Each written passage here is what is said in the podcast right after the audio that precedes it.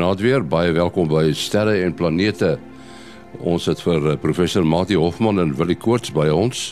Maar heel eerste gesels Kobus Olkers daar uit Kanada, Toronto oor ruimteweer. Kobus. Goeienaand en goeienaand luisteraars. Ja, hier is ons nou weer met 'n nuwe week. Uh en soos ons verlede week gesê het, het ons hierdie week die hele week uh uh effekte van van uh, koronagate wat ons wat ons gaan besig hou. Ons die enigste mense egter wat beïnvloed gaan word is ons langafstand radio gebruikers. Uh en mense wat nou vreeslik fyn wil luister na ander en ander goed van die agtergrond geraas gaan gaan so 'n bietjie op opgaan. Dan alhoewel die son vreeslik indrukwekkend lyk op die oomblik, dit lyk of daar vlamme van hom afkom daarbo in die noordelike halfrond en ook in die suidelike halfrond. Ehm um, is hierdie areas, hierdie magnetiese areas wat hierdie vlamme nou veroorsaak, is uh, is eintlik baie stabiel en hulle sal nou maar net skou skouspelagtig bly. Ehm um, met miskien 'n maksimum van C-klas vakkels, ekstra vakkels, maar ek glo nie hulle gaan en enigiets anders in groei nie. Die ouetjie in die suidelike halfrond lyk asof hy dalk potensiaal het, maar ek sou sê dit is minder as uh, 20%.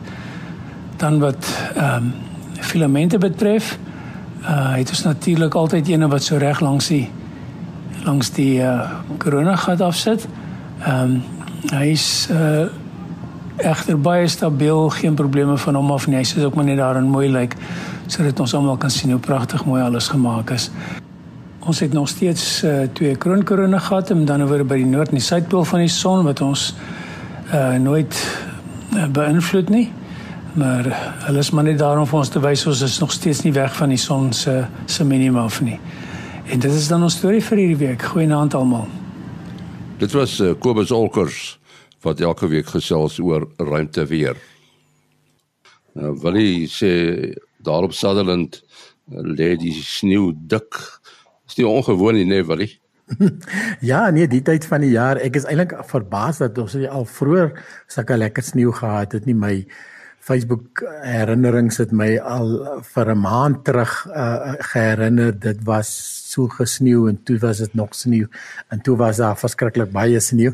Nou ja, hierdie hierdie is daarom nie so baie nie, maar ehm um, hy hy het in die laatmiddag geval van die vorige dag van maandag maandagmiddag en uh, en en toe toe toe nou in die nag ook 'n klein bietjie geval maar toe het hy oopgetrek. Nou ja natuurlik dan vries dit en uh, nou ja die die maksimum temperatuur uh, uh vir Dinsdag was was minus 1 nee nee nee nee dis nie die minimum nie. Ek het reg gesê dit was die maksimum.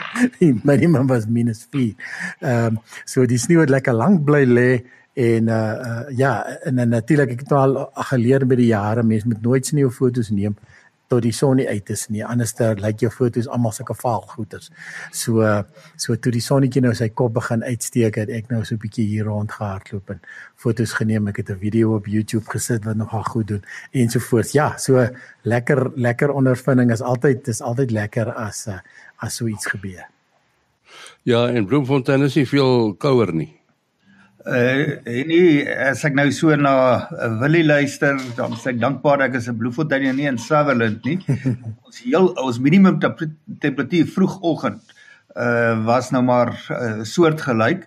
Uh maar die uh die son het dit darm heelwat beter gemaak. Maar dit is nog misleidend as jy deur die venster kyk, dan lyk die son lekker warm as jy uitstap, dan voel jy dit is heelwat kouer as gewoonlik. Hmm. So uh, uh, daar's sulke wolke wat jou sommer vir jou wys dit is koud. Dit uh, lyk soos uh busse vol ysbeere wat hier uit die suide uitkom. so die, die ysbeere, dis nou maar hoe ons gesin dit beskryf as die iets jou dit voel of iets jou buite byt.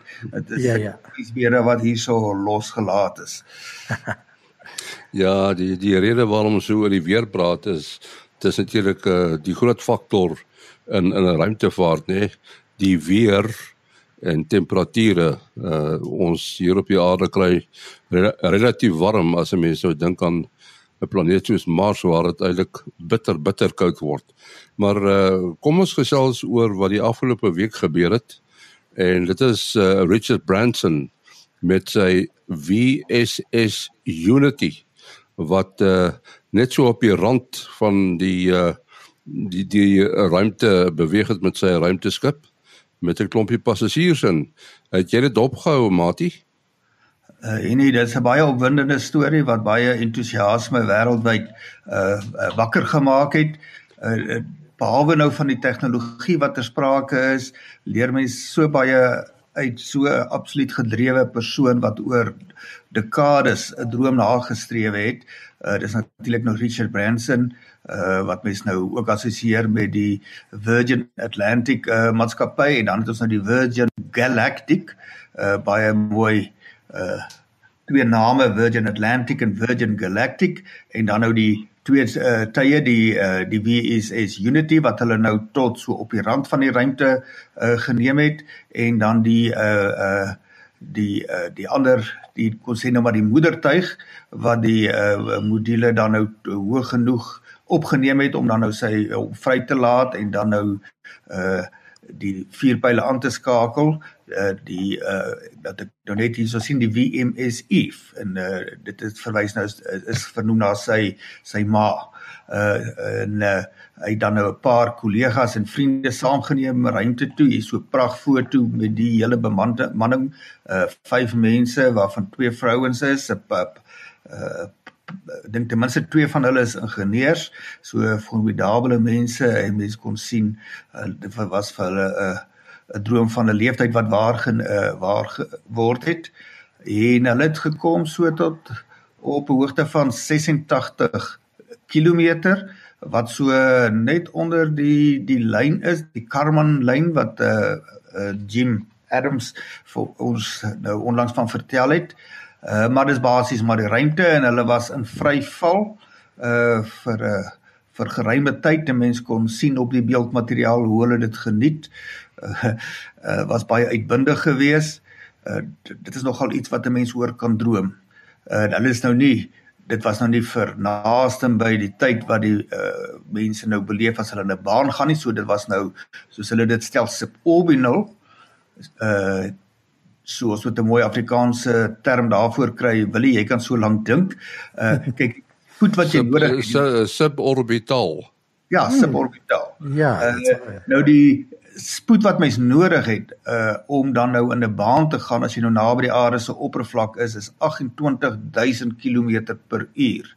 Uh nou wel, hulle het 'n spoed van Mach 3 uh wat maar maar steeds baie vinnig 3700 km/h. So dis ver van die spoed wat nou vir 'n baan nodig het, maar dit was in uh, vryval, dit is basies dan 'n paraboliese baan wat net baie hoër is as wat jy nou sê nou 'n cricketbal sou gooi. Dan gaan hy in 'n parabool en hom harder jy hom sou gooi, uh as hy horisontale afstand ver is in vergelyking met die afstand waaroor die aarde se uh se buiging omdat hy natuurlik rond is, uh meetbaar is, uh dan val hy nie op dieselfde oorspronklike uh hoogte ten opsigte van die ruimte nie. Uh hy jy moet dan nou die soos wat hy om die draaiing van die aarde beweeg. Uh so in daai opsig het hy so in die begin van 'n baan en as hy nou 'n konstante hoogte bo die aarde sou kon kon handhaaf, dan gaan hy in 'n in 'n baan. Met ander woorde as hy na die 28000 km/h uh, uh is dan die spoed waarop hy almekaar die aarde uh misval. Maar geval hulle was ver van dit af, maar hulle het op die rand van die ruimte gekom en hulle verdien om as ruimtemanne en ruimtevroue uh bestempel te word.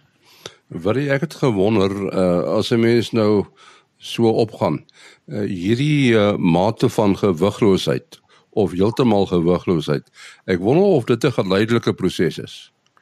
Uh, ja, interessant. Mati het het nou hierso beskryf hoe jy in 'n wentelbaan gaan.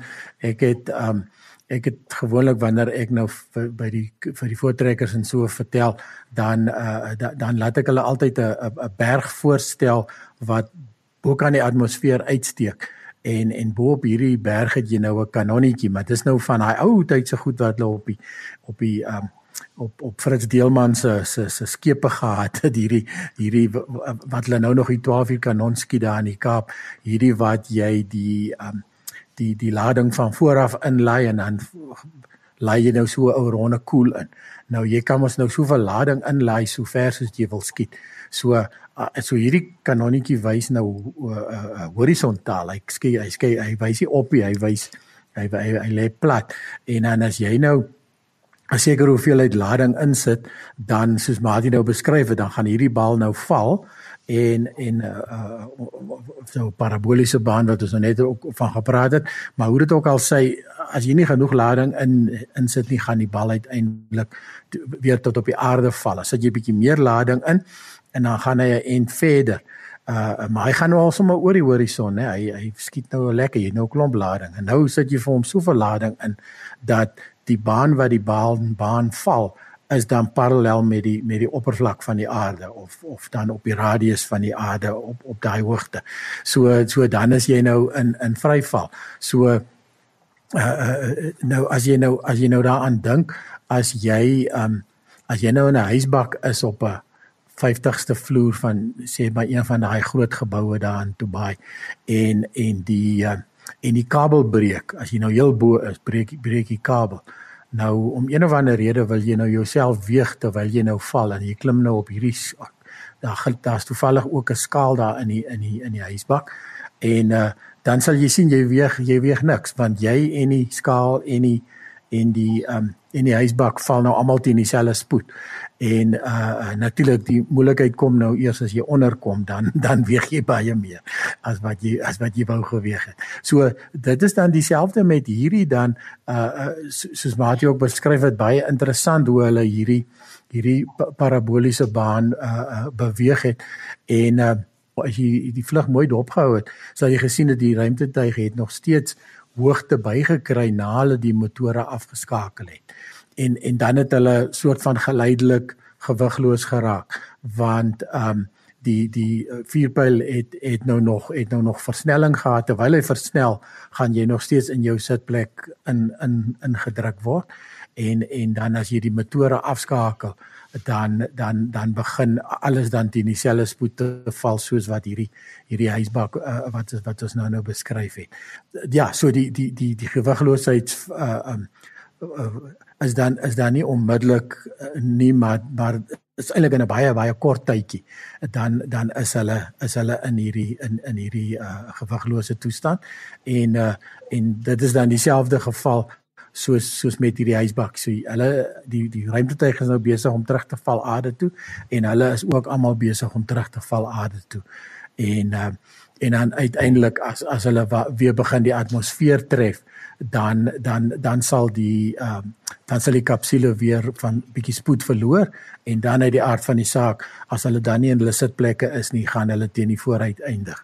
Richard Branson was natuurlik uh, baie uitbundig uh, na die vlug of tydens die vlug en uh, ons uh, luister so na 'n kort opname van uh, sy opmerkings terwyl hy gewigloos ronddryf in uh, Unity. So all you kids down there I was once a child with a dream, looking up to the stars.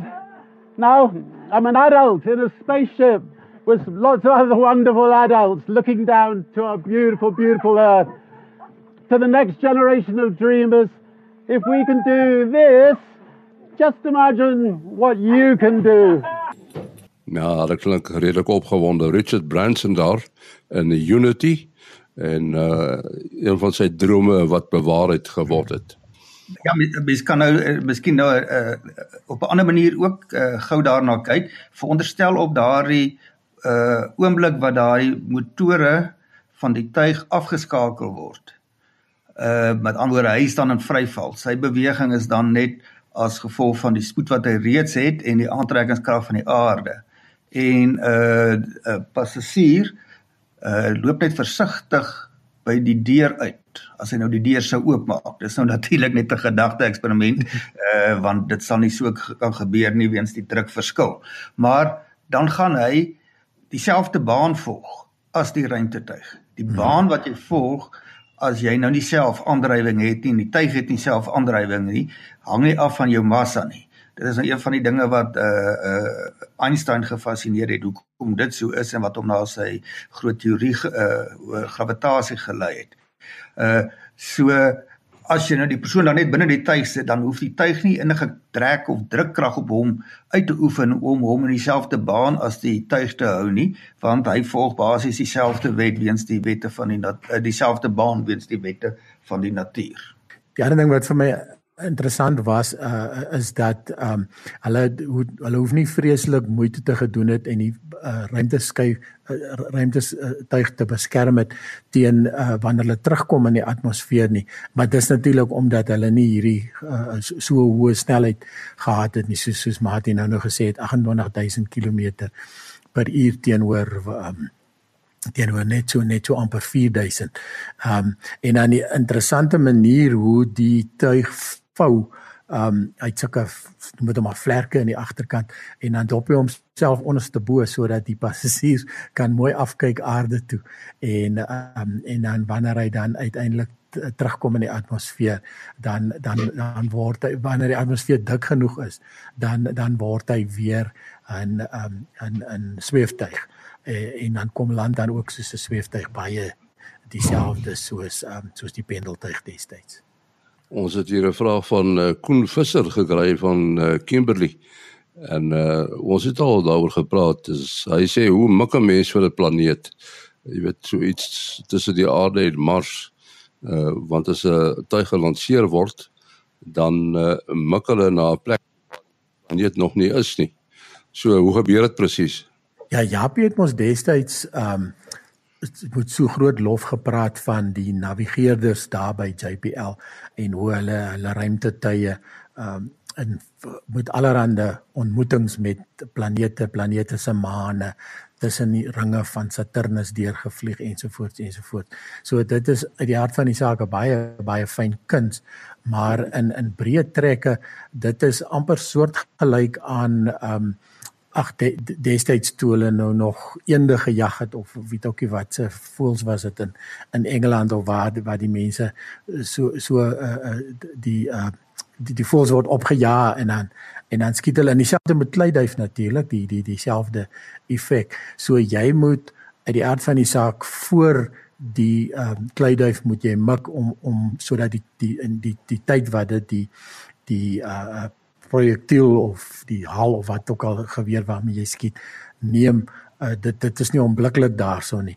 Ehm um, dan dan moet jy moet jy voor die tyd mik. Nou ja, uit die aard van die saak, mense brein is ongelooflik om hierdie om hierdie berekeninge sommer so onmiddellik te doen, maar met 'n ruimtetuig uh, uit die aard van die saak, ruimtesending vat dit baie langer. En en dis maar dis eintlik presies wat jy moet doen. Maar onthou jou projektiel uh, wat jy lanseer na die ruimtetuig toe word is, is taamlik onder die onder die gravitasie invloed van die son. So die ding wil probeer terugval en en uh, jy wil hom hê hy moet hy moet hierdie hierdie planeet tref. So gewoonlik wat gebeur is dit is nie die ontmoeting is is eintlik amper um weer eens soos ons nou nog gesê het van as jy 'n bal gooi, hulle hulle hulle stuur die die die die tuig so dat dat dit amper op die op die bo-punt van 'n baan uh, uh soos op soos 'n paraboliese baan so dink aan teen as jy 'n bal in die lug opgooi. Um wanneer die twee bymekaar kom want jy moet dan natuurlik ook seker maak dat jou relatiewe spoed tot betrekking tot die planeet moet amper nul wees. So ja um veral as jy as jy as jy by so by so 'n planeet wil wil in 'n wentelbaan kom. Wel nie heeltemal nul nie want want dan gaan jy net langsom vlieg. En dit gaan baie lank vat natuurlik om dit op daai manier te doen. Maar dis min of meer die die idee so as jy mooi kyk na hierdie bane dan uh, is, sien jy dit is asof die um, ruimtetuig so half kort pad vat en dan uiteindelik eintlik hy mik eintlik vir die baan van die van die planeet, maar dan is die die die die ehm um, die tydsberekening is baie baie kritiek. En hulle praat altyd gewoonlik van 'n van 'n lanseervenster. Ehm um, en dis hoekom hulle as hulle enigiets van hierdie goeters wil doen, uh moet hulle het hulle baie baie spesifieke tyd waarop die ehm um, die ruimtetuig moet gelanseer word. Ja, dan moet jy natuurlik as jy nou die baan bereken het, dan moet jy uh, jy moet dit nou implementeer, dan moet jy nog steeds kan meet uh in die groot ruimte waar is die ruimtetuig op 'n gegeewe stadium. Ehm um, dit is weer 'n uh, uitdaging op sy eie. Uh maar een manier om 'n houvas daarop te kry is die die tydsduur wat syne vat om van daar af tot by die aarde te beweeg en uh hoe langer daai tyd uh tyd word uh dan kan, kan jy nou uitwerk hoe hoe hy verder beweeg. Maar dit is nou maar net die afstand uh uh die een aanduiding van sy posisie wat nou nog nie genoeg is nie. Uh so beide wat die aanvanklike berekeninge betref en die implementering daarvan om die tuig die heeltyd te korrigeer. Want jy kan nie hom uh, net aanvaar alles gaan uh, presies regloop nie. Want 'n klein afwykingkie in rigting uh kan op die lang termyn 'n baie groot afwyking in sy finale posisie wees. So dan moet die heeltyd gekorrigeer word om sy posisie terug te bring na die uh, berekende posisie waar hy op 'n sekere tyd moet wees. Ons het al baie in die program gepraat oor uh aandrywing in die ruimte en uh begrippe soos die ion motor het al ter sprake gekom.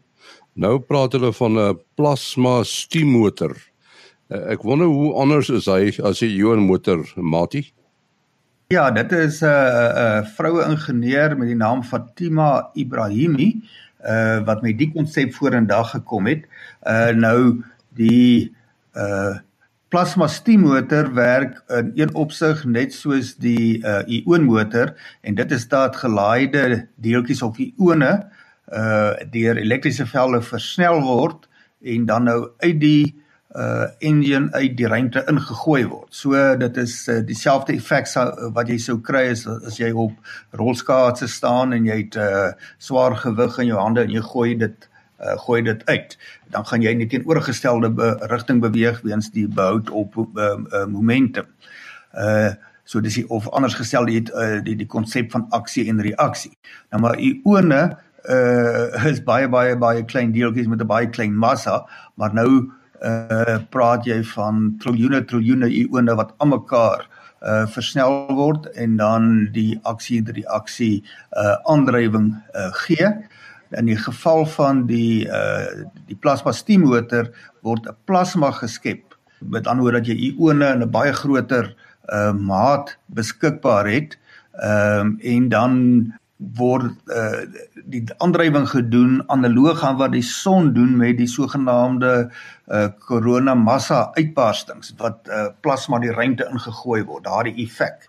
So elke paar sekondes vind dan dan so 'n proses plaas wat 'n klomp plasma die ruimte in uh, gevuur word en dan is die spesifieke uh, impuls wat verkry word is dan baie baie groter as wat met uh, konvensionele vierpyl brandstof is. Uh nou die spesifieke impuls word gedefinieer as die hoeveelheid sekondes wat 'n gegeewe massa van 'n uh, brandstof self teen die aarde se gravitasie kan versnel. Uh met brand, uh, vierpyle soos wat ons nou omtrent el, elke nou en dan sien waarmee uh SpaceX ruimte toe gaan, 'n baie groot deel van daardie energie word bloot gebruik om die brandstof self in die ruimte te kry. Uh in die geval van die uh, destydse pendeltuig kon die brandstof dit self 453 sekondes aanhou uh versnel dan het dit op uh, uh opgebrand. En dit stem ooreen met 'n uh uh uitlaatspoed van 404.4 km per sekonde ten opsigte van die die ruimtetuig. In die geval van die uh, plasma stiemotor is die uitlaatspoed van hierdie ione 500 km per sekonde ten opsigte van die ruimtetuig teenoor die 4 km per sekonde wat dit in die geval van die van die pendeltuig was. Uh so dit is meer as 100 maal meer en uh so die die uiteindelike effek is dat 'n baie groter deel van die aandrywing word gebruik om die vuurpyl te uh uh, aan te dryf eerder as om die massa van die brandstof self die ruimte in te vat. Maar dit was ook mos so uh, met die ion motor uh, is die versnelling baie stadig, nê? Nee? Ehm um, ja, maar jy kan dit omdat jy die brandstof so lank saam met jou kan vat, kan jy dit oor 'n baie lang tyd kan jy dit uh, uh kan jy dit uh, volhou. Nou die verskil uh, uh met die plasma stiemotor is dat die plasma stiemotor op 'n baie groter skaal kan werk. Uh die ionmotors is nou om klein massas te versnel en die omdat die plasma stiemotor nou plasma op 'n baie groter skaal kan skep en dis met baie meer ione kan werk en dan nou hierdie beginsel om nou uh hierdie uh sonuitbarstings op 'n miniskaal uh na na te maak uh en dit herhaaldelik te doen. Nou is nie absoluut kontinu nie, maar elke paar sekondes word dit herhaal en dit kan dan oor 'n baie lang tyd so vol, volgehou word en die belang daarvan is dat dit uiteindelik dan gebruik kan word om bemande sendinge sê nou maar na Mars of ander planete uh baie baie te verkort in plaas van die huidige ongeveer 7 maande as jy op die regte tyd vanaf die aarde lanseer tot by Mars, maar dan moet jy nou 2 jaar daar bly, uh sou jy dit dan na uh, met 'n faktor 3 4 dalk kan verkort wat dit baie meer uh, prakties haalbaar sou maak. Ons sluit af. Wil jy jou besonderhede? Ja, mense kan bel WhatsApp met SMS 0724579208. 0724579208. En dan Mati 0836257154. 0836257154. En dan die program se e-pos is sterreplanete@gmail.com. sterreplanete@gmail.com. Volgende week is ons terug. Tot dan. Alles van die beste.